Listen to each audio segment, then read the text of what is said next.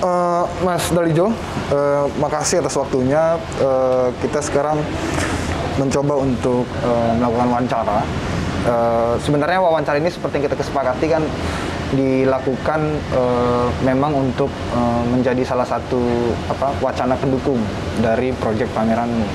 Tapi karena ternyata ada situasi pandemi dan ada kebijakan PPKM yang mana membuat uh, pameran ini harus vakum untuk sementara waktu uh, saya kira uh, wawancara ini juga menjadi lebih relevan kemudian uh, supaya kita bisa tetap uh, menghidupkan narasi dari uh, proyek pamerannya dan tetap berinteraksi dengan publik. Nah, tapi karena situasi itu sebenarnya uh, mau tidak mau kemudian saya berpikir untuk uh, ingin tahu lebih awal gitu, lebih dulu untuk mengetahui hmm. Uh, dari kamu sendiri sebagai seniman yang berpameran tunggal di Cemeti dalam proyek pameran Ghostlight ini merefleksikan situasi terkini dari pandemi karena faktanya dia berdampak pada apa yang kamu lakukan sekarang gitu. Mungkin kamu bisa menjelaskan itu. Oke, makasih ya Bro untuk waktunya. Jadi ngomong tentang dampak atas praktek artistik nih selama pandemi. Jadi ini yang kesekian kali sebenarnya sejak 2020 dampak dari banyak agenda yang kemudian harus maju mundur atau harus dimundurkan sampai nggak tahu kapan atau bahkan juga seperti kemarin ketika di Guangzhou Biennale setelah dimundurkan juga nggak bisa datang untuk mendisplay secara langsung. Jadi rencana-rencana itu berubah total. Sehingga buatku aku udah punya antisipasi nih sudah siap untuk segala situasi bahwa pada akhirnya ini terjadi gitu bukan sesuatu yang mengagetkan dan kalau refleksi pandemi eh, pada umumnya sebenarnya memang ini situasi yang berat ya buat kita semua. Nggak usah ngomong seniman atau bukan seniman, tapi untuk kita semua, kita semua pasti terdampak. Sebenarnya lebih lebih memprihatinkan benar-benar teman-teman yang mereka kena dampak langsung secara kesehatan atau yang keluar kehilangan keluarganya, anggota keluarganya karena pandemi ini ataupun kehilangan akses pada sumber-sumber mata pencahariannya. Jadi satu sisi sebenarnya buat aku masih bisa bersyukur kalau boleh bersyukur karena masih bisa menjalankan pameran ini meski harus ditutup sehari setelah itu dibuka. Karena pandemi ini siapa yang siapa yang bisa menduga? Ya kita mau nggak mau harus kita ikhlaskan kan ya. Kita harus harus deal dengan situasi ini buatku yang perlu kita jaga adalah kita masih punya bara, masih punya semangat untuk tetap jalan. Sebenarnya itu ada pesimisme pesimisme tapi juga mau nggak mau kita harus bisa lihat ada harapan seperti apa sih, ada bara seperti apa yang masih bisa kita jaga. Dan di sini aku coba untuk bisa tetap uh, bikin karya dan katakanlah ketika beberapa hari ini kan aku di rumah terus nih ya di rumah aku mencoba untuk menggunakan waktuku se sebaik mungkin untuk bisa bisa tetap aku ngolah rasa dan bisa tetap untuk bikin karya. Dan terutama itu tadi untuk punya punya empati. Itu kan sebenarnya yang sedang kita butuhkan sekarang. Sebelum apa eh, pelaksanaan pameran di Cemeti eh, karyamu yang juga dipamerkan di Cemeti itu dipresentasikan di eh, Guangzhou Sebagian, sebagian. Sebagian, ya. Uh, dan sekarang juga kamu terlibat di uh, Arjok yang itu juga diselenggarakan di situasi pandemi. Kamu bisa uh, berikan kes, apa ceritakan kesanmu nggak tentang tiga acara ini yang kemudian sama-sama terkena pandemi dan kemudian ada beda kebijakan dari masing-masing. Jadi menurut pikir bagaimana? Ini ya. Satu hal yang aku tetap tangkap adalah para penyelenggara ini tetap mencoba untuk menjaga semangat dan pegang harapan sisa harapan katakanlah dari yang kita punya. Kenapa sisa harapan? Karena kita tetap nggak tahu yang di depan seperti apa. Cuman dari sisa-sisa harapan sekecil apa pun itu itu yang tetap kita coba untuk digaske terus. Tentu bentuknya beda-beda di Guangzhou harus bernegosiasi juga dan jelas ya kita harus bernegosiasi dengan keadaan kalau diundur ya oke lah diundur ini karena mau nggak mau kesehatan publik itu yang nomor satu kan ya. Kesehatan anggota keluarga yang lain juga seperti itu. Jadi kita nggak bisa waton hajar sebenarnya. Di situasi kayak gini harus harus lebih fleksibel.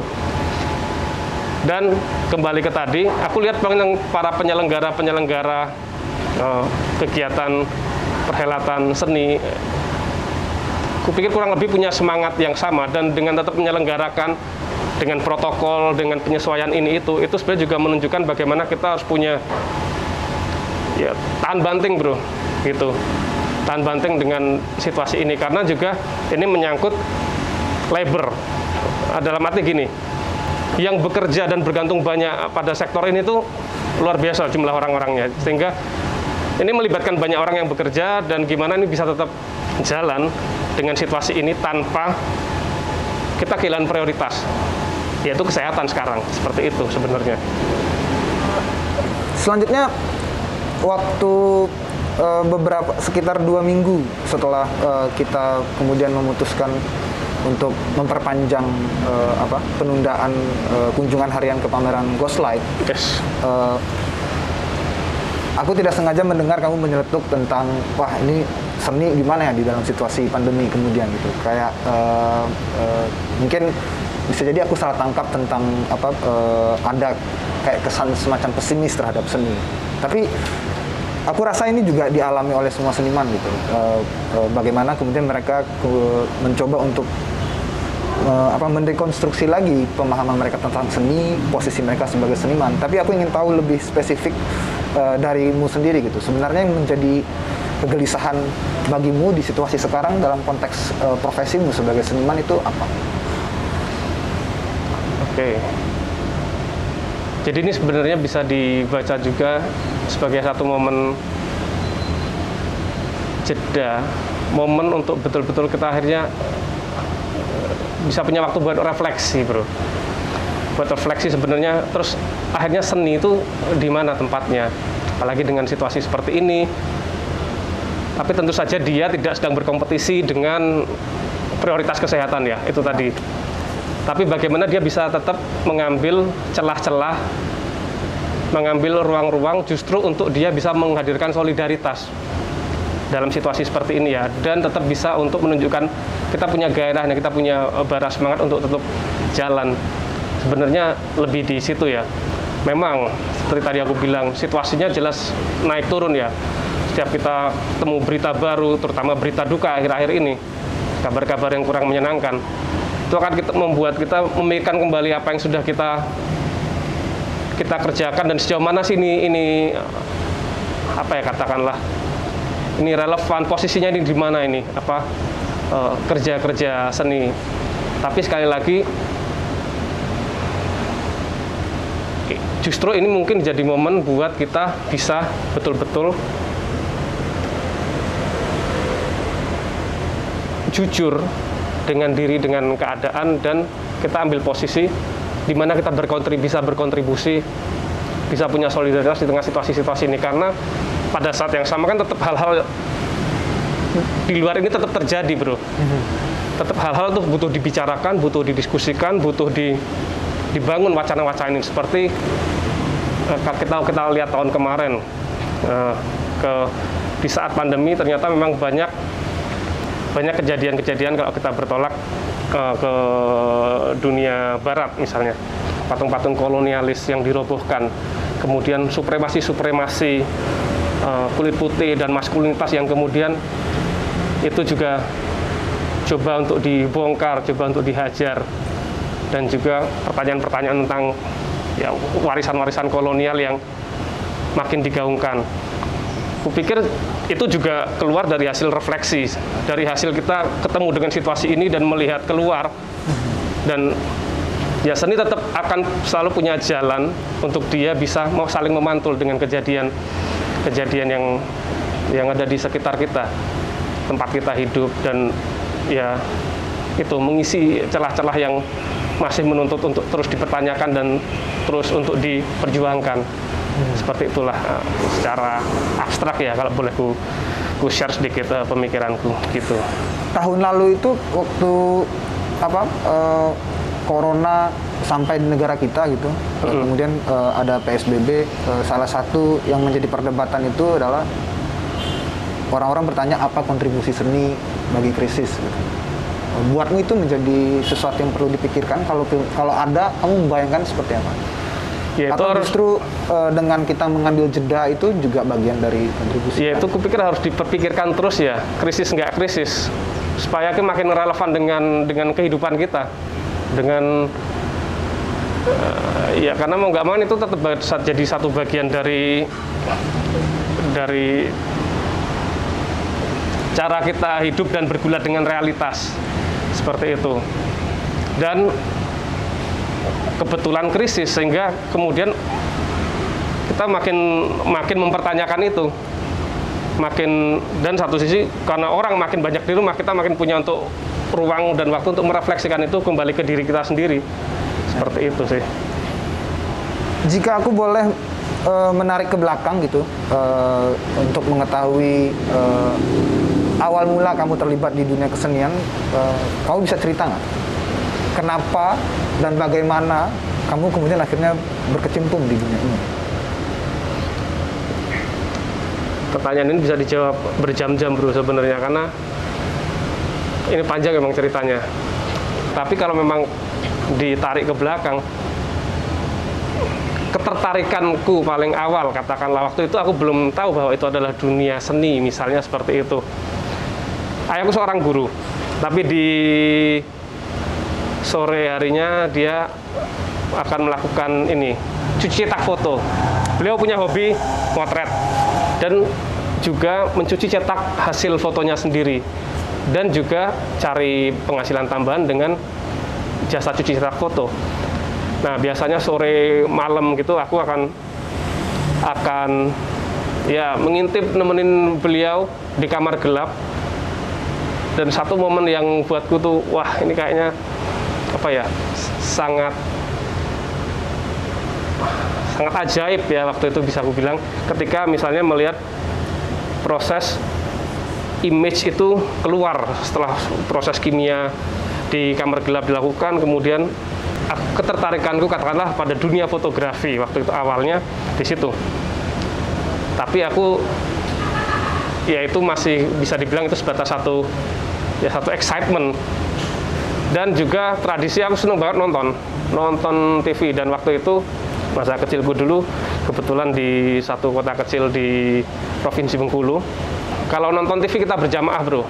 Jadi misalnya di rumahnya siapa yang mereka punya parabola. Jadi anak-anak akan nonton seperti itu. Dan kemudian juga jam-jam tertentu bisa nonton. Jadi pengalaman-pengalaman itu pengalaman-pengalaman dengan image itu tuh menjadi satu pengalaman-pengalaman ajaib yang membekas buatku oh ya terus kakekku waktu itu juga dia punya satu kios artwork foto. Dan sering sekali aku juga nemenin eh, kakekku almarhum ketika berada di ruang kamar gelap yang sempit itu sekitar satu kali satu meter itu. Buatku itu proses melihat image keluar itu tuh selalu jadi proses yang bahkan mungkin sampai hari ini excitement yang sama ketika aku misalnya aku melakukan editing nih. Proses editing atau proses ketika aku menggambar dan kemudian ketika mengkomposisi sesuatu jadi itu sangat intim dan personal buatku punya bekas yang kuat nah ketika pindah ke Jogja kakekku dan ayahku waktu itu menghadiahi waktu itu kamera analog dan aku mulai belajar fotografi secara otodidak Itu tahun berapa? Yang kamu dapat kamera analog?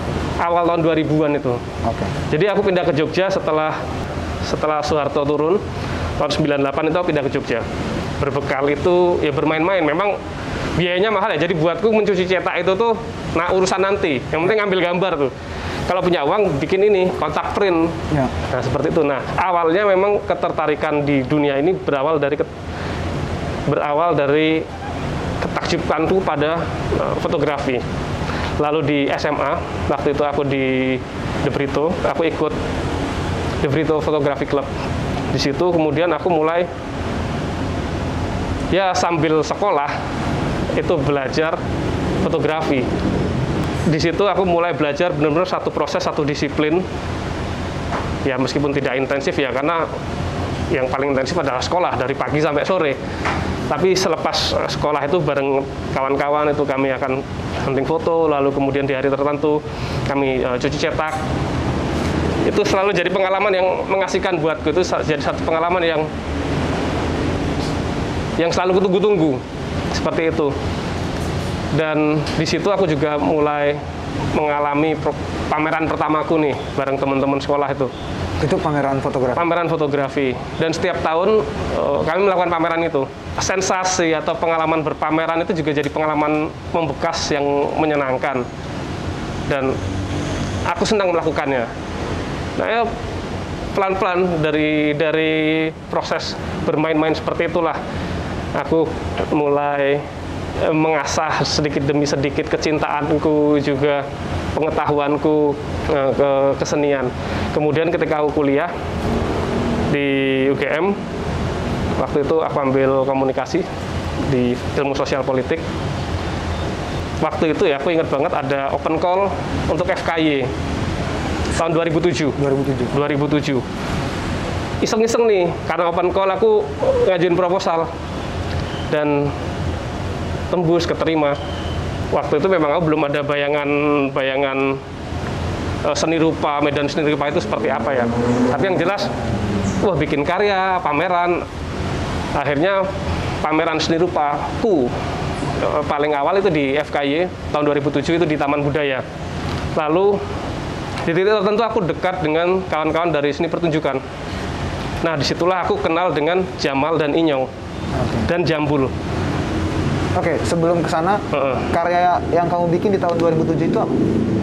Instalasi, Instalasi. instalasi aku bikin figur-figur dan bikin satu scenery diorama seperti itu. Untuk instalasi beruku- berukuran ya kecil ya. Ada ada semacam tujuh diorama. Seingatku ada tujuh diorama.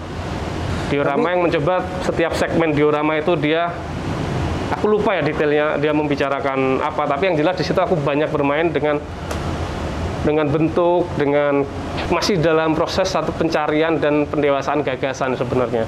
Masih proses dan sampai sekarang sebenarnya juga proses belajar masih jalan ya. Tapi pada waktu itu memang itu yang ku cari-cari seperti itu Yang yang menginspirasimu kemudian membuat karya instalasi waktu itu apa? Karena kan tadi kamu cerita eh, sebelum kamu mulai masuk ke eh, bidang ini lewat eh, open call itu kamu lebih didominasi Fotografi. oleh pengalaman fotografi. pertanyaan menarik Kenapa kamu bikin instalasi waktu itu? Coba temukan jawabannya sambil berpikir ya waktu itu apa ya mungkin eksperimentasi ya. Ada sensasi yang lain ketika kita kita bekerja dengan objek tiga dimensi. Seperti itu. Meskipun waktu itu aku juga banyak menggambar. Menggambar dan tetap juga banyak melakukan olah foto. Dan oh iya dan yang satu hal penting lagi bahwa zaman zamanku dari SMA kuliah itu sabetan tambahanku adalah aku dari motret dan dari kerja-kerja desain. Oke. Serta bikin-bikin video sebenarnya. Tapi agak belakangan video ketika eh, kamera udah lebih ini ya kamera digital sudah lebih lebih mudah untuk diakses. Ya, tapi sambil jalan kupikir proses eksperimen proses belajar eh, dari sini dari situ itu yang membangun disiplin kekaryaanku eh, pelan-pelan. Dan waktu itu itu memang jadi bisa dibilang dalam tanda kutip ya eh, uang saku tambahan caraku untuk cari cari uang terus untuk bikin karya nah seperti itu Oke, itu. masuk ke bagian ceritamu tadi yang kamu ketemu dengan kawan-kawan yang aktif di eh, ranah pertunjukan dengan Inyong dan Jamal. Itu bagaimana kemudian?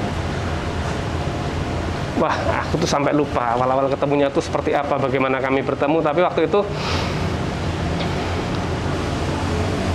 waktu itu kami memang membuat eksperimen untuk membuat satu pertunjukan satu repertoar dan kita nggak punya goal akhir ini untuk dipentaskan di mana atau seperti apa. Tapi ini benar-benar satu proses penciptaan yang yang panjang. Aku mencoba berkontribusi dengan dengan apa yang aku punya waktu itu ya kemampuanku misalnya mem- membuat image.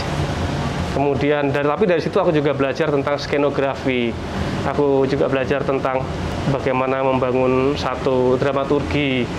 Pikir dari proses-proses obrolan kemudian dari proses-proses nongkrong proses yang sederhana yang sangat sehari-hari dan menyenangkan tentu saja. Itu kemudian membangun membangun kepekaan dan disiplin eh, berkarya. Dan semenjak saat itu ya katakanlah dengan dengan uh, Teguh Hari, dengan Jamaluddin Latif, dengan Aridianto, dan kemudian belakang dengan uh, Saiful Ridhoi. Kami punya cara berkolaborasi sendiri ini seperti kayak orang orang pacaran lama lah. Kita udah nggak perlu basa-basi, udah ketemu aja tektoknya seperti itu. Dan cara bekerjanya yaitu seperti yang di awal tadi. Kami memang nggak tahu ini hasil akhirnya apa ini, tapi kita coba untuk mengolah dan menciptakan uh, sesuatu uh, dengan cara yang menyenangkan dan ya sangat fleksibel sebenarnya itu dan itu tidak terjadi artinya sangat intens ya. Sangat intens sangat dari jam segini sampai justru itu sangat ya, ya kayak nongkrong sekedar nongkrong di warung eh, di angkringan eh, ngobrol ya seperti itu ya. Tapi kami coba untuk ya untuk apalah. Ya itu satu nongkrong yang cukup produktif kupikir. Tanpa aku sadari dia membentuk ya ini satu bahasa kolaborasi kami yang langsung kulompatin ke pameran ini ya karena konteksnya ini itu yang kemudian kurenungkan kurefleksikan di momen ini akhirnya apa aku kembali ke ke kawan-kawan kawan-kawanku ini untuk kita coba melahirkan sesuatu ini dari dari rahim pertemanan panjang ini dan ini non institusional ya. Artinya kami tidak menamai ini apa, kami tidak menamai ini adalah satu satu kelompok atau tidak. Ini berjalan sangat natural, sangat sangat ya sangat biasa. Bahwa kan nggak nggak melulu bicara tentang kesenian, tentang keseharian. Jadi betul-betul ya ini seperti seperti teman aja dan kita belajar dan berproses bersama-sama seperti itu. Nah, terkait dengan apa ya kalau kita menyebutnya subject matter dari kekaryaanmu dapat kita lihat di beberapa proyek-proyek yang pernah kamu kerjakan itu kamu selalu concern atau menaruh perhatian yang besar terhadap uh, fiksi dan sejarah. Ya. Kami ingin tahu lebih banyak kenapa itu yang menjadi perhatianmu dan kalau bisa juga diceritakan gitu uh, pada titik mana kemudian kamu kemudian memutuskan dengan sadar bahwa itu adalah uh, pilihan estetika dan artistiknya. Oke. Okay kembali ke zamanku kuliah sebenarnya. Mungkin sedikit terlambat ya, tapi kok ya di zaman kuliah itu adalah awal aku mulai membaca Multatuli sebenarnya. Membaca Max Havelaar, karya Multatuli. Lebih tepatnya itu. Nah, dan itu cukup membekas dan cukup mengejutkan buatku pengalaman pasca membaca itu dari cara dia bertutur dan kemudian juga dari apa yang dituturkan, apa yang diceritakan di situ. Itu cukup mengguncangkan isi kepalaku dan mulai mempertanyakan lagi bahkan waktu itu apa aku belajar komunikasi ilmu sosial politik dan bagaimana bisa menempatkan ini ke dalam pertanyaan-pertanyaan dan wacana itu. Itu kemudian dari situ aku mulai membaca uh, Pramudia tetralogi Pulau Buru. Meskipun aku sebetulnya menyentuh sedikit-sedikit ketika aku di SMA, tapi ya cuman sambil lewat aja. Cuman betul-betul ketika aku kuliah dan menyadari membaca itu, membacanya dengan sadar maksudnya, itu menyisakan banyak pertanyaan-pertanyaan dan akhirnya memantul balik ke uh, praktekku bermain-main bereksperimen dan mencari-cari uh, uh, bentuk juga pertanyaan pertanyaan-pertanyaan dan caraku melihat uh, sekelilingku sebagai seorang manusia. Nah, akhirnya secara tidak sadar juga dari situ mulai membangun pertanyaan aku mulai membangun pertanyaan-pertanyaan baru dan kemudian mulai melihat pada sejarah sebagai satu subject matter dan eh, aku akui eh, sastra itu kemudian jadi berperan berperan besar eh, buatku dalam mengenalkan aku eh, pada dimensi atau dalam pada lapisan-lapisan perasaan yang yang sebelumnya mungkin nggak aku kenali ya. Dan akhirnya aku bisa melihat sekelilingku dengan cara yang cara yang lain. Terutama juga melihat sejarah dan mempertanyakan sejarah dengan cara-cara yang yang lain. Karena Kenapa aku kaget? Karena sepanjang aku bersekolah, sejarah itu adalah sesuatu yang membosankan, bro.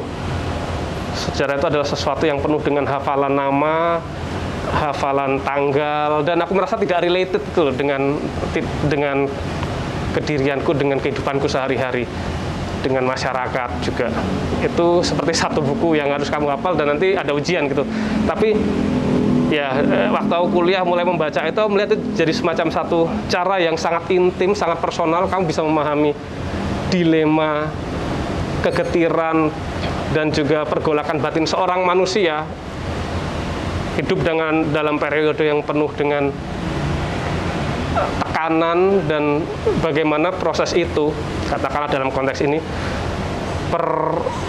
perselingkuhan atau perkawinan kolonialisme dan feodalisme itu dia punya sisa-sisa yang kamu mungkin bisa temukan hari ini dengan sangat halus. Yang mungkin ya kita menerimanya begitu saja ya taken for granted tapi ternyata dia punya akar sejarah dan akar masalah yang panjang. Dan justru lewat sastra-sastra yang tak baca waktu itu lewat roman-roman lewat novel-novel sejarah yang tak baca pertemuanku dengan uh, uh, Ratuli dan kemudian dengan Pram lewat karya-karya mereka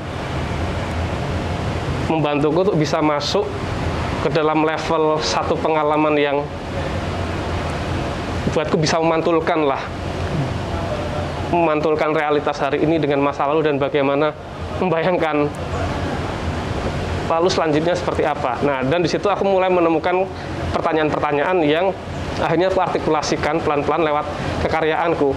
Tapi bukan itu bukan sebagai sesuatu yang tiba-tiba ya, karena prosesnya panjang. Artinya aku terus kemudian itu membentukku untuk mulai membaca hal yang lain, menonton hal yang lain, kemudian juga mendalami apa katakanlah atau melakukan eksperimen pada upaya-upaya artikulasi uh, artistik yang lain seperti itu yang di luar dari kebiasaan waktu itu biasanya. Gimana caranya bisa menghadirkan pengalaman yang ku rasakan saat itu ketika aku membaca ketika terhenyak? Pengalaman gimana bisa hadir? Katakanlah dalam satu karya seni rupa.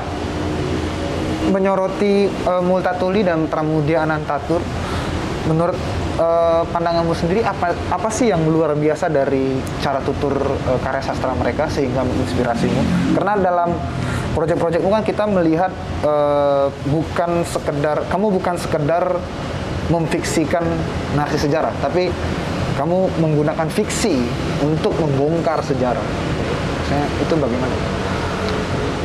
sejarah itu jadi bukan sesuatu yang jauh dan menjemukan, tapi justru kamu melihat ada kekuasaan yang bekerja di situ yang dia membentuk realitas kita di hari ini dan dalam karya-karya sastra itu dia bisa menghadirkannya tepat di depan matamu. Tepat berhadapan denganmu kamu bisa merasakan masuk dalam dilema-dilema menjadi manusia yang sebenarnya ditarik diporak-porandakan dan diombang-ambingkan oleh kekuasaan yang yang ada di luar kemampuanmu. Dan sebenarnya itu kan relevan dengan apa yang kita jalani hari ini. Bagaimana ideologi bekerja dan dipekerja dan diinstitusionalisasikan. Nah tarikan-tarikan ke arah arah yang lebih besar itu yang kemudian membuatku mencari-cari dan melakukan eksperimen-eksperimen yang akhirnya kemudian di tahun 2014 wah memang itu panjang sekali ya dari proses awal membaca itu akhirnya jadilah satu proyek proyek yang sebenarnya udah aku udah aku coba untuk mulai uh, geluti dan kutajamkan sejak tahun 2013 tapi mulai ku presentasikan akhirnya tahun 2014 awal itu di kedai kebun lewat Center for Tanah Rujuk Studies. Jadi memang prosesnya uh, panjang banget dan bukan tiba-tiba sehari jadi. Proses pergelutannya dan proses mencari-carinya. Dan ya itu tadi, justru pintu masuk untuk bisa masuk uh, untuk bisa hadir uh, ke dalam dimensi pengalamannya aku lewat sastra. Nah, upaya memantulkan itu balik dalam kekaryaan itulah yang kemudian jadi jadi salah satu gairah yang aku coba kejar. Makanya karya-karyanya jadi sangat bisa dibilang elemennya sangat banyak uh, detail dan ya banyak karena ya sebagaimana fiksi itu dibangun dari dari banyak tarikan-tarikan, banyak elemen-elemen sehingga satu universe itu bisa dihadirkan di situ, satu satu realisasi bisa dihadirkan di situ dan dia punya logikanya sendiri. Nah, di titik di titik itulah kemudian fiksi aku pakai jadi metodeku karena kembali kemudian memantul ke pertanyaan tentang sejarah jangan-jangan gagasan atas sejarah sendiri itu digerakkan oleh gagasan tentang bagaimana satu fiksi itu diciptakan. Maksudnya ada proses editing di situ. Kenapa peristiwa ini disandingkan dengan peristiwa ini dan tokohnya ini? Kenapa bukan yang itu? Kemudian kenapa dia kenapa dia dihadirkan lewat sudut pandang tertentu, pilihan-pilihan eh, pilihan-pilihan cara bertuturnya, penekanan-penekanannya. Nah, bagian-bagian itu kan sebenarnya bagian-bagian editing, bagian-bagian yang disadari ada authorship di situ di sisi yang lain sejarah yang yang kita terima atau yang aku terima katakanlah yang uh, diajari sejarah di sekolah. Itu kan jadi sesuatu yang baku seolah itu satu-satunya cara pintu untuk melihat masa lalu. Sejarah dengan kata lain adalah jadi sesuatu yang dimistifikasi. Dan itulah cara rezim bekerja kan sebenarnya seperti itu. Jadi pertanyaan jadi lebih luas lagi. Nah celah-celah dan titik-titik eh, tegangan itulah yang kemudian eh, menarikku untuk menggunakan fiksi sebagai cara untuk mempertanyakan hal-hal yang tidak bisa kita bicarakan atau yang tidak direngkuh oleh sejarah dalam konteks uh, sejarah arus utama seperti itu.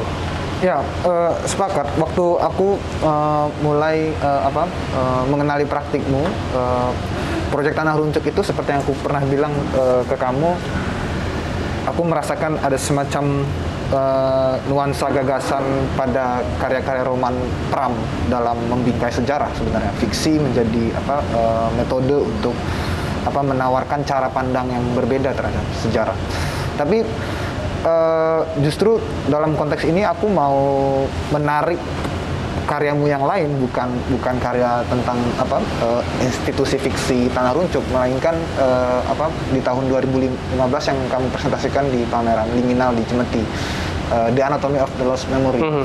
uh, itu menjadi sesuatu yang menarik untuk aku sorot dan aku coba uh, konfirmasi ke kamu terkait tentang uh, apa penempatan suatu gagasan fiksional di dalam suatu lingkup uh, institusi seni gitu loh.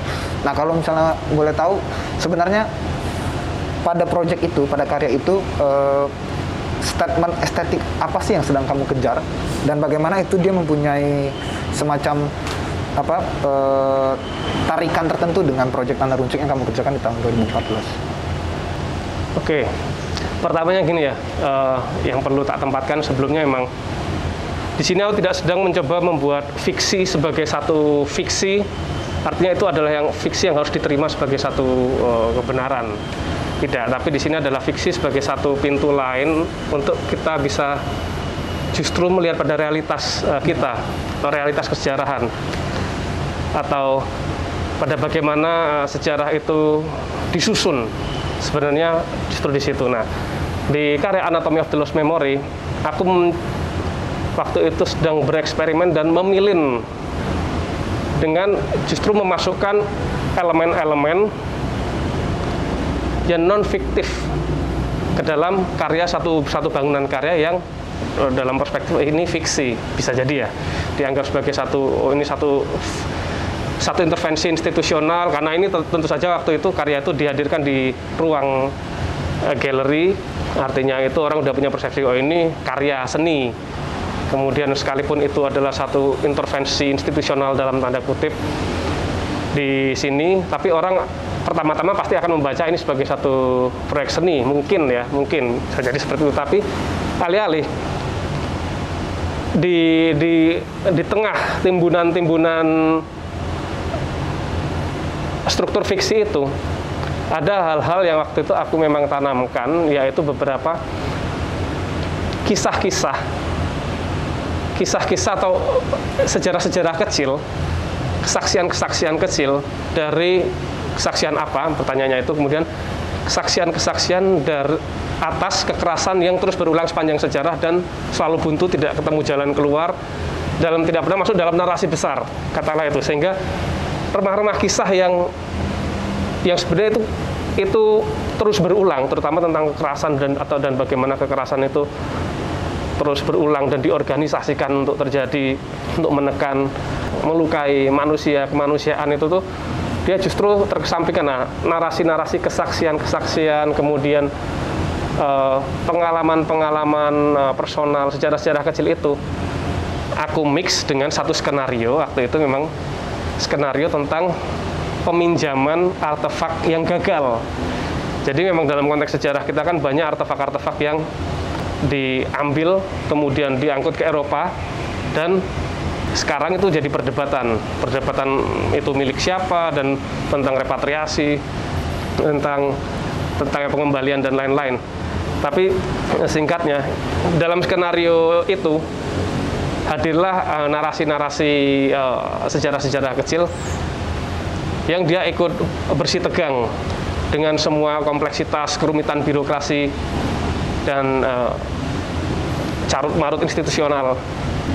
Menurutmu apakah metode artistik yang uh, berangkat dari apa uh, penginterpretasian ulang fungsi fiksi itu uh, efektif dalam konteks uh, menghasilkan disrupsi tertentu terhadap wacana? Dan kalau misalnya iya misalnya dari pengalamanmu selama ini bagaimana kalau bisa ditanya gitu bagaimana mengukur efektivitasnya? Sejauh yang kamu alami ketika membuat karya berbasis gini ya itu aku, aku kembalikan ke ini aku jadi teringat uh, saksi mata karya Senogumi Raji Dharma ketika jurnalisme dibungkam sastra bicara. Ya. artinya ya ruang-ruang ruang-ruang tutur uh, fiksi itu selalu dia bisa punya ruang untuk dia memantulkan kembali realitas yang terbungkam, hmm. realitas yang yang tak mampu disuarakan apalagi ketika rezim bekerja begitu kuatnya untuk mengontrol tiap kata-kata yang beredar. Katakanlah demikian. Nah sehingga seni punya peran di situ juga untuk dia bisa membicarakan sesuatu yang tak mampu dibicarakan. Katakanlah demikian. Nah dalam konteks itulah aku pikir fiksi dia bekerja itu juga seperti yang yang terjadi di Amerika Latin katakanlah dengan dengan pendekatan realisme magis dengan ini ya ketika kamu mencampurkan semua realitas yang magis dan realitas yang empirik gitu katakanlah demikian justru di situ ada celah untuk kamu bisa membicarakan yang tak mampu terbicarakan. Dan itu adalah satu kerja artistik sebenarnya. Nah di, di titik itulah aku melihat bahwa seni dia bisa punya efektivitas kalau dengan bahasamu efek, sejauh mana itu efektif untuk bergerak dengan fiksi. Seperti itu. Sekarang aku coba masuk ke uh, persoalan tentang bagaimana kamu man manajemen uh, melakukan manajemen dalam kerja kolaborasi, uh, terutama secara spesifik uh, dengan kawan-kawan pegiat dari ranah teater. Uh, misalnya kalau kita meninjau lagi proyek pameran Ghostlight uh, di karyamu yang luka dan bisa kubawa berlari, uh, aku uh, menangkap ada semacam metode yang sama itu diterapkan di uh, karyamu uh, judulnya The Death to, to the Tiger. Uh, secara spesifik aku uh, me menyoroti karya video yang mm -hmm. apa uh, ada tangan-tangan tunjuk itu di, di mana di situ salah satu performer atau aktor dalam video itu adalah uh, Mas Inyo. Kamu bisa cerita nggak bagaimana kolaborasi itu bermula, kemudian pengembangannya dalam konteks artistik karya itu, dan bagaimana kamu menjalin uh, apa semacam komunikasi yang menubuh dengan aktor-aktormu di karya itu? Jadi itu sebenarnya kolaborasi berbasis nongkrong santai memang. Waktu itu karyanya kita bicara konteks ini ya, uh, Death of the Tiger. Karya instalasi sudah jadi, sudah jadi, sudah tersusun, sudah ada komposisinya, sudah terinstal bahkan. Ya aku ngajak kawan-kawan datang aja. Waktu itu, oke okay deh, yuk kita apain yuk karya ini. Nah, sebelumnya aku ceritakan gagasan yang ada di balik karya itu seperti apa, kemudian juga materialitasnya, juga uh, narasi yang ada di situ seperti apa, yang diwakilkan dalam bentuk-bentuk itu, dan riset-risetku seperti apa, eh, dengan obrolan santai tentu saja. Dan kemudian, oke, okay, kita di satu waktu senggang gitu, kita coba bikin apa nih dari sini. bareng Ridho juga terus kita mencoba menemukan notasi-notasi gerak, interaksi dengan objek. Lalu kemudian kita coba betul-betul waktu itu improvisasi bebas ya. Kemudian di saat yang lain ketika oke ini asik nih kayaknya aku akan datang membawa kamera. Dan ketika membawa kamera sudah punya uh, nalar editing sebenarnya di situ.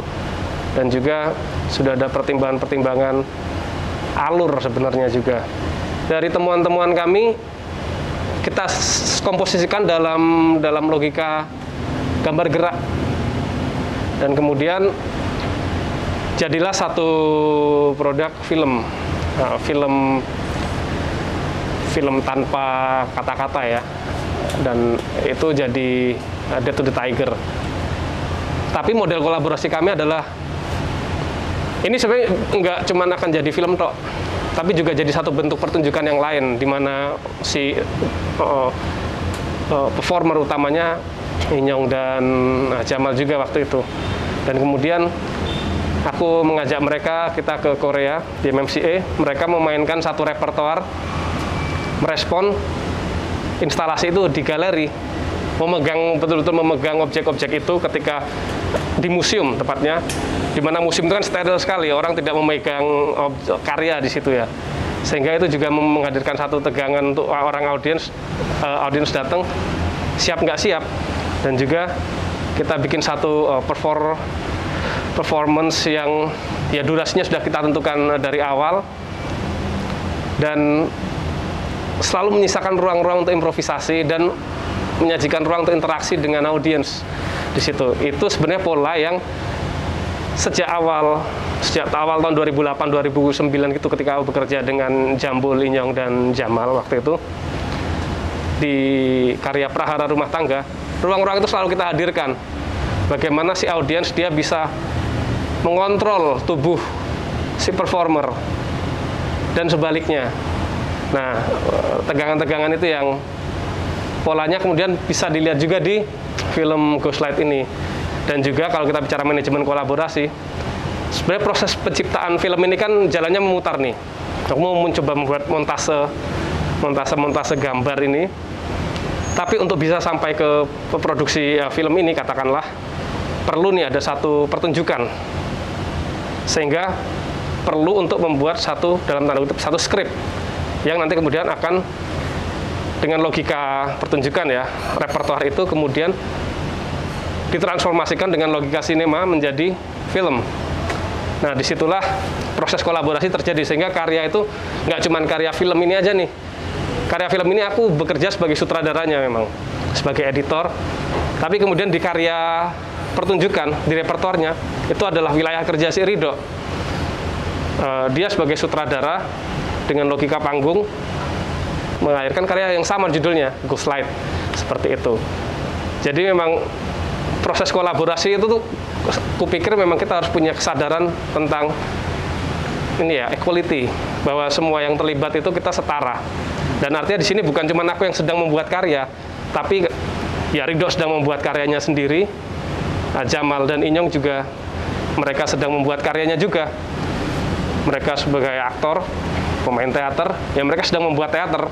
Ridho juga sedang menyutradarai sebuah pertunjukan dan aku sedang membuat sebuah film sehingga justru dari karya ini kami keluar katakanlah uh, tiga produk artistik yaitu film, yaitu repertoire dan performing art seperti itu.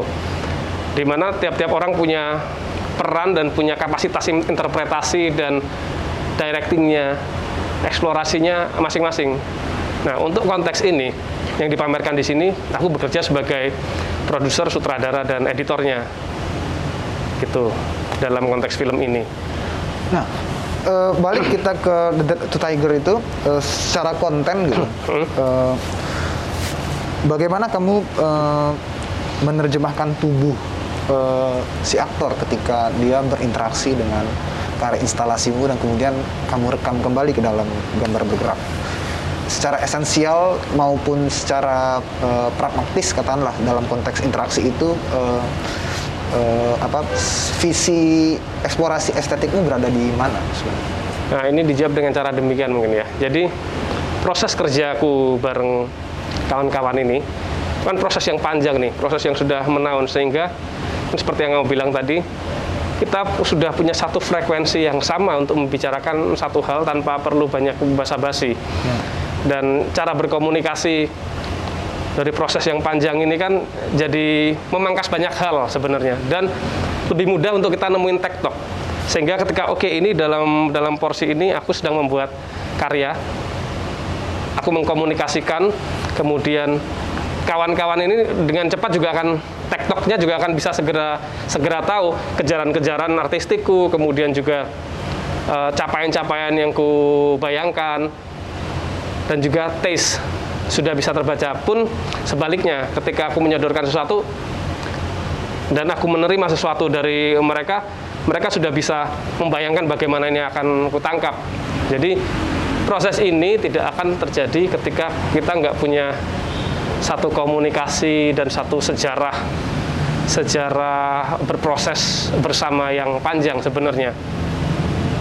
Dan ya mungkin akan beda cerita ketika aku akan bekerja sama dengan orang lain pun mereka bekerja sama dengan orang lain ya karena ini kan ya seperti kalau kita berkawan beda tongkrongan beda cara kita kan fleksibel banget ya sebagai manusia beda, akan cara beda kita cari selah-selahannya seperti itu tapi semakin kita punya intensitas dan semakin punya persamaan uh, frekuensi itu tadi akan mudah untuk kita cari satu simpul bahasa artistik yang sekiranya bisa ketemu. Ya, ketika melakukan proses produksi pameran Ghostlight, aku pernah berbagi denganmu tentang pengalamanku menonton karya Maya Deren yang apa uh, film tentang para si penari hmm. uh, yang berbagai scene di hutan, di rumah, kemudian di studio tari. Hmm. Yang aku aku uh, salah satu yang menarik dari karya Maya Deren ini kan dia uh, apa menegaskan soal uh, apa kesetaraan antara si pemegang kamera dan juga aktor yang mana kamera uh, dia mengatur aktor dan aktor mengatur kamera di mana itu hubungannya sangat equal gitu. Nah, ya. apakah hal yang semacam itu juga terjadi di di dalam proses kekaryaanmu dalam konteks video ya dengan kawan-kawan? Dalam bentuk yang lain tentu saja ya uh, negosiasi dan kemudian uh, tektokan itu tuh selalu selalu bisa ketemu karena kan kita, kita mulai awal selalu dari improvisasi tapi improvisasi yang dia berangkat dari narasi yang sudah jadi sebenarnya. Karena dalam konteks ini karyaku sudah jadi nih di depan. Dan ketika karya jadi kan karya sudah pada dirinya sendiri sudah ada gagasan gagasan sang seniman keputusan-keputusan seniman sehingga hadirlah bentuk demikian. Nah itu yang kemudian kita koncei dan jadi landasan improvisasi dan pencarian kita. Kemudian dalam konteks kerjaku ini aku lebih menjadi seperti editor.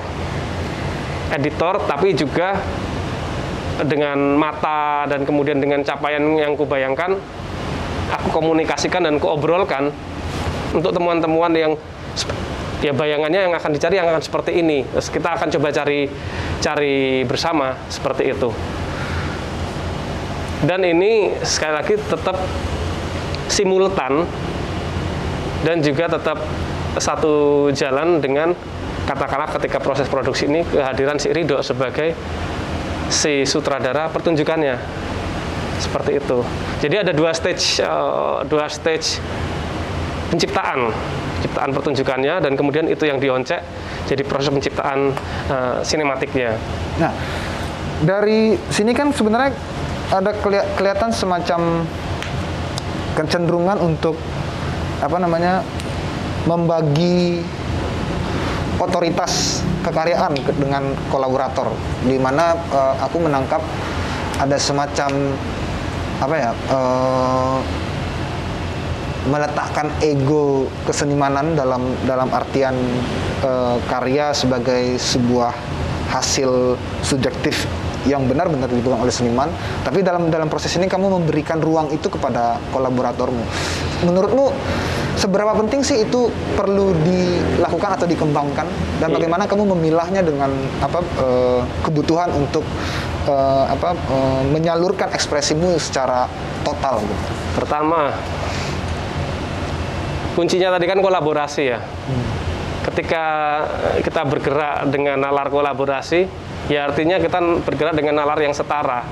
Karena kolaborator juga punya bagasi pengalaman dan kemampuan artistiknya, pun aku juga punya capaian yang kubayangkan sendiri. Nah, dalam kesetaraan itu ada kepercayaan.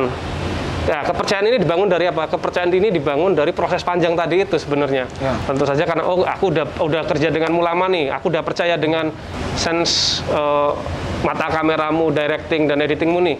Sehingga dan aku tahu kejaranmu ke mana nih. Aku udah udah menangkap gagasanmu. Pun sebaliknya, kamu sudah bisa mempercayakan pengolahan kosa gerak kosa gerak padaku katakanlah demikian. Ya tinggal kita cari temunya di mana. Dan akhirnya lahirlah dari dari eh, dari rahim proses ini berbagai macam karya dan berbagai macam peran dari tiap kolaborator kolaborator itu seperti itu. Apakah ada kemungkinan dalam konteks kamu berkolaborasi eh, bekerja dengan orang-orang yang baru kamu kenal? Oh tentu saja jelas. Karena sebenarnya aku berkolaborasi nggak dengan mereka saja ya. Ya. Kayak dalam Center for Tananjuk Studies aku juga bekerja sama dengan berbagai eh, dengan beberapa kawan-kawan yang lain. Tapi dalam konteks ini aku merasa seperti aku ingin bekerja sama dengan orang yang dekat denganku dan berproses panjang denganku untuk pameran tunggalku. Seperti itu. Tapi di karya yang lain ketika aku akan berkolaborasi dengan orang yang lain, aku juga akan memakai nalar yang kurang lebih sama. Sehingga proses komunikasi dan kedekatan itu akan selalu dan kepercayaan pembangunan kepercayaan itu akan jadi selalu selalu pintu masuk awal nih untuk aku oke nih bisa kita bisa kerja bersama nih seperti itu. Tapi tentu eh, mempertimbangkan melibatkan eh, eh, Mas Inyong, Mas Jamal dan kemudian eh, Mas Ridhoi dalam kolaborasi ini Dan Mas Teguh Hari ya. eh, ya Teguh Haryo eh, bukan hanya karena keintimanmu dengan mereka toh Oh, tidak. pasti ada pertimbangan eh, artistik juga yang kamu Persis, bayangkan. persis. Persis. Karena kan ini kita sedang bikin karya ya.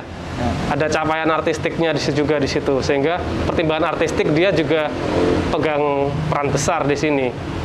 Tapi bahwa pertimbangan artistik ini dibungkus dari satu relasi yang baik eh, dan setara dan kepercayaan yang baik. Nah, itu adalah kupikir cara kita bekerja memprosesing ide-ide ini gitu.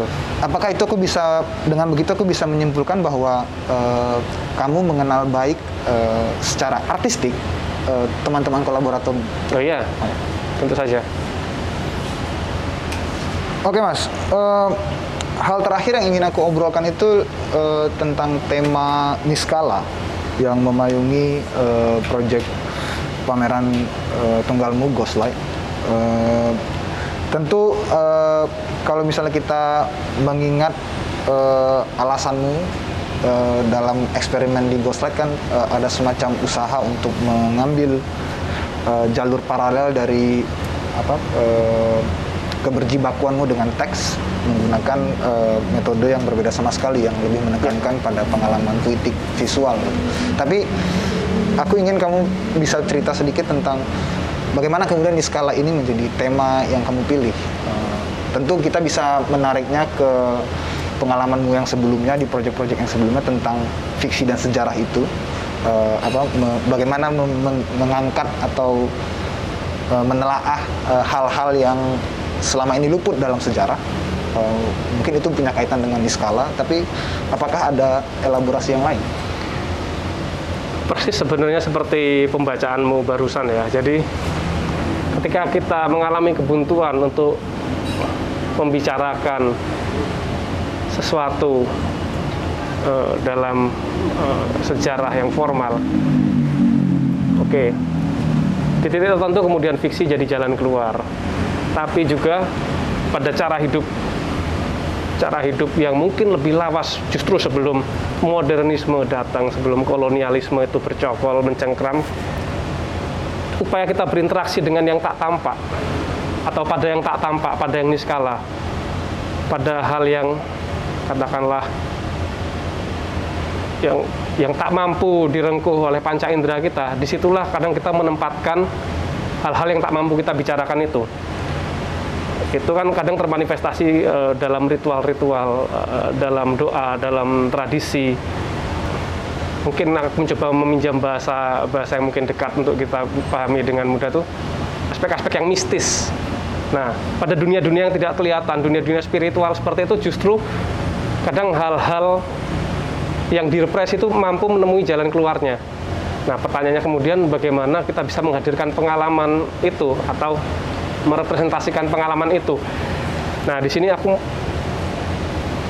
bereksperimen, aku menantang diriku untuk ya itu tadi seperti yang kamu bilang mencari paralelitas, dari metodeku yang mengkonstruksi fiksi yang begitu rapat gitu elemen-elemen yang sangat sangat detail tapi di sini kemudian aku mengabstraksikan dan kemudian mencoba menghadirkannya justru pengalaman-pengalaman yang lebih mencoba untuk menyentuh bukan pada nalar intelektual tapi melampaui itu. Jadi pada pengalaman-pengalaman estetik kita pengalaman-pengalaman batin ya pengalaman-pengalaman yang mungkin itu sangat dekat dengan kita dan itu ada dalam nalar pikir kita jauh lebih awal, lebih lebih dulu sebelum nalar-nalar yang modernis yang eurocentrik itu hadir dan diperkenalkan lewat teks-teks dan pengetahuan-pengetahuan uh, barat katakanlah demikian.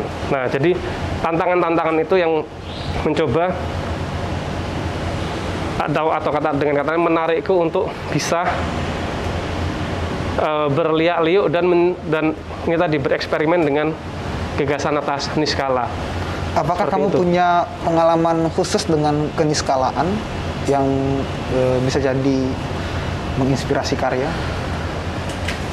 Seperti yang tak bilang tadi, banyak hal-hal yang tak mampu e, dijamah oleh kata-kata, tak mampu dijamah oleh bahasa-bahasa, bahasa-bahasa lisan atau bahasa-bahasa tertulis. Kadang menemui jalan keluarnya di di ruang di ruang-ruang yang itu tadi yang justru lebih sakral katakanlah demikian. Dan dalam laju sejarah juga represi-represi itu kemudian berdasarkan beberapa penelitian yang kudapati ya itu juga kadang cara kita mengingat hal-hal yang dilarang oleh rezim hal-hal yang dilarang oleh kekuasaan besar di luar kita hal yang dilarang oleh Eh, kanon besar, teks besar yang dikesampingkan, tapi itu melekat dengan orang, masuk dalam memori kolektif orang-orang. Cara mereka menemui jalan keluar pada ritual-ritual, pada kepercayaan-kepercayaan atau pada cara mempercayai dan dealing dengan situasi yang itu sangat dekat eh, dengan hal-hal yang tak mampu dijelaskan oleh oleh ini kode-kode eh, modern yang kita punya sebenarnya seperti itu. Nah, abstraksi-abstraksi itu yang aku coba uh, formulasikan di proses penciptaan di pameran ini. Itu sehingga aku sendiri mencoba untuk melampau untuk keluar dari kebiasaanku bergelut dengan teks teks sebagai medium, tapi justru mencoba untuk masuk ke dalam dimensi pengalaman estetik dan abstraksinya seperti itu. Dan misalnya pada material-material pada objek-objek itu juga pada pengalaman uh, sensorik atau pada pada kelekatan kita uh, dengan si uh, material itu. Nah, kurang lebih kayak gitu sebenarnya. Terkait pendekatan yang berbeda uh, dalam mem, apa, me, menginterpretasi tema di skala itu uh, bisa nggak kamu merumuskan secara reflektif gitu antara pendekatan yang menggunakan tekstual secara masif sama yang sekarang kamu lebih cenderung untuk menghindari teks gitu? Hmm, mendudukkannya gini ya.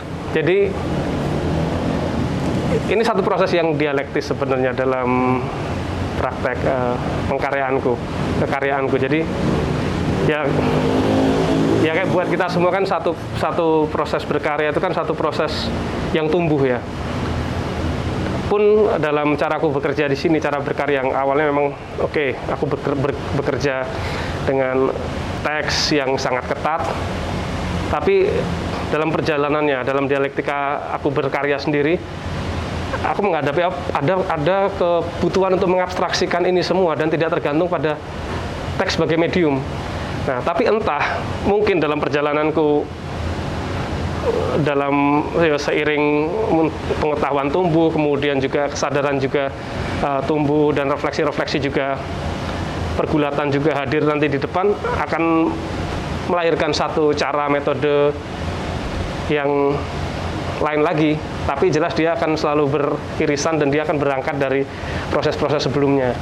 Jadi aku mendudukannya dengan cara seperti itu ya. Jadi bukan meletakkannya sebagai sesuatu yang saling bertentangan tapi bukan dalam bertentangan dalam artian Polarisasi. bukan ya seperti itu.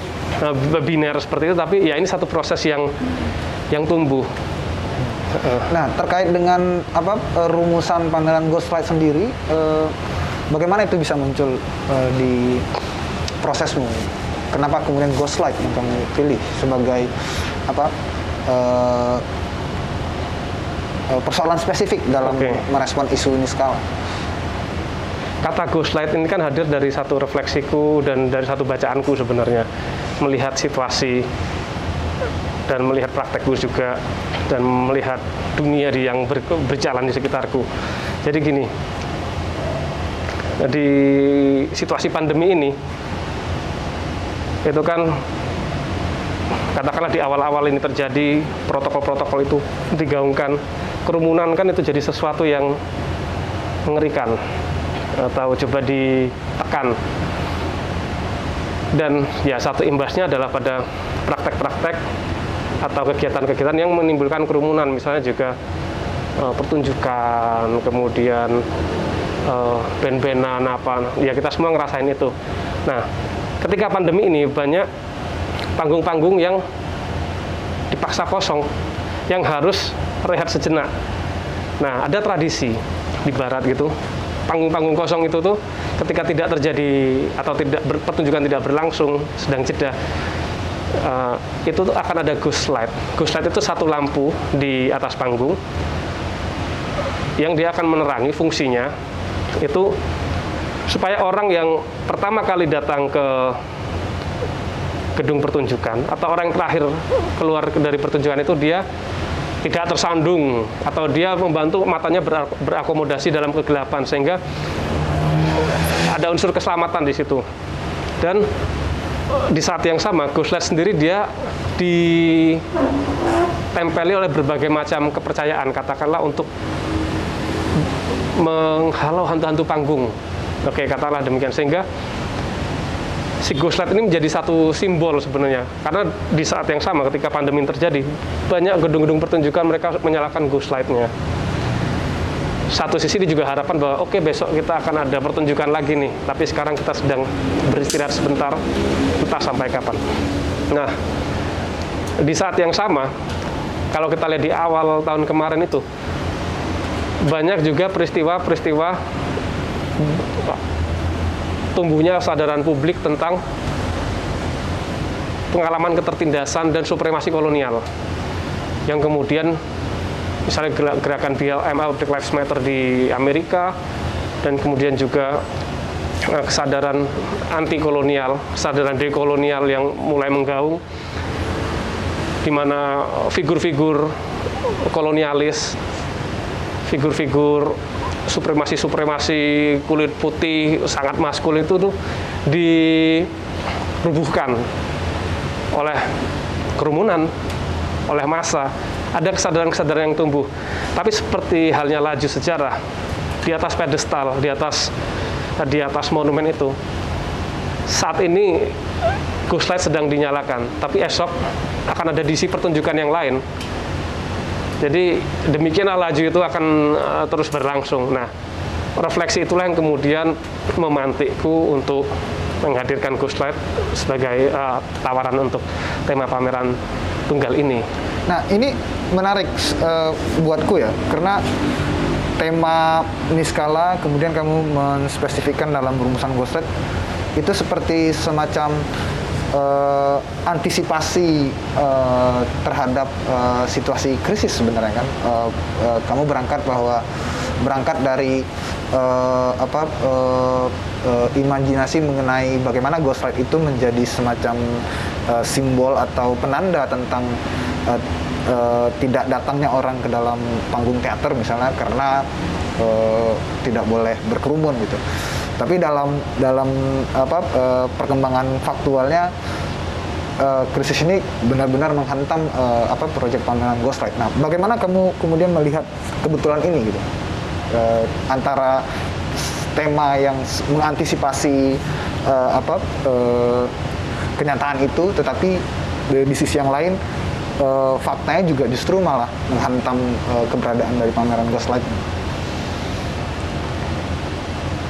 Oke, jadi ini bukan satu hal yang yang mengagetkan lagi-lagi karena ya bahkan sejak awal situasi ini hadir itu tidak disodorkan pada kita bayangan kapan dia berakhir kan. Ya. Jadi situasi ketidakpastian ini kan akan terus jalan bahkan ketika kita bicara di sini sekarang di depan kamera gini juga direkam kita sendiri nggak bisa membayangkan kapan ini selesai. Ya. Jadi ya kupikir ini beresonansi dengan ketidakpastian ini. Ya. Satu sisi itu ya saat ini si panggung ini sedang sedang diistirahatkan sebentar. Tapi ya sebagaimana panggung nanti akan ada sandiwara-sandiwara lain tapi ya entah seperti itu. Ya buatku itu eh, sangat menarik ya karena eh, meskipun dalam eh, apa eh, peristiwa nyatanya bahwa pameran ini ditunda sementara vakum tetapi secara wacana dia cukup relevan bagi apa eh, situasi kita dan bagaimana kita merefleksikan apa eh, krisis pandemi hari ini. Oke, saya rasa itu aja eh, wawancaranya. Terima kasih Mas. Oke, sama-sama.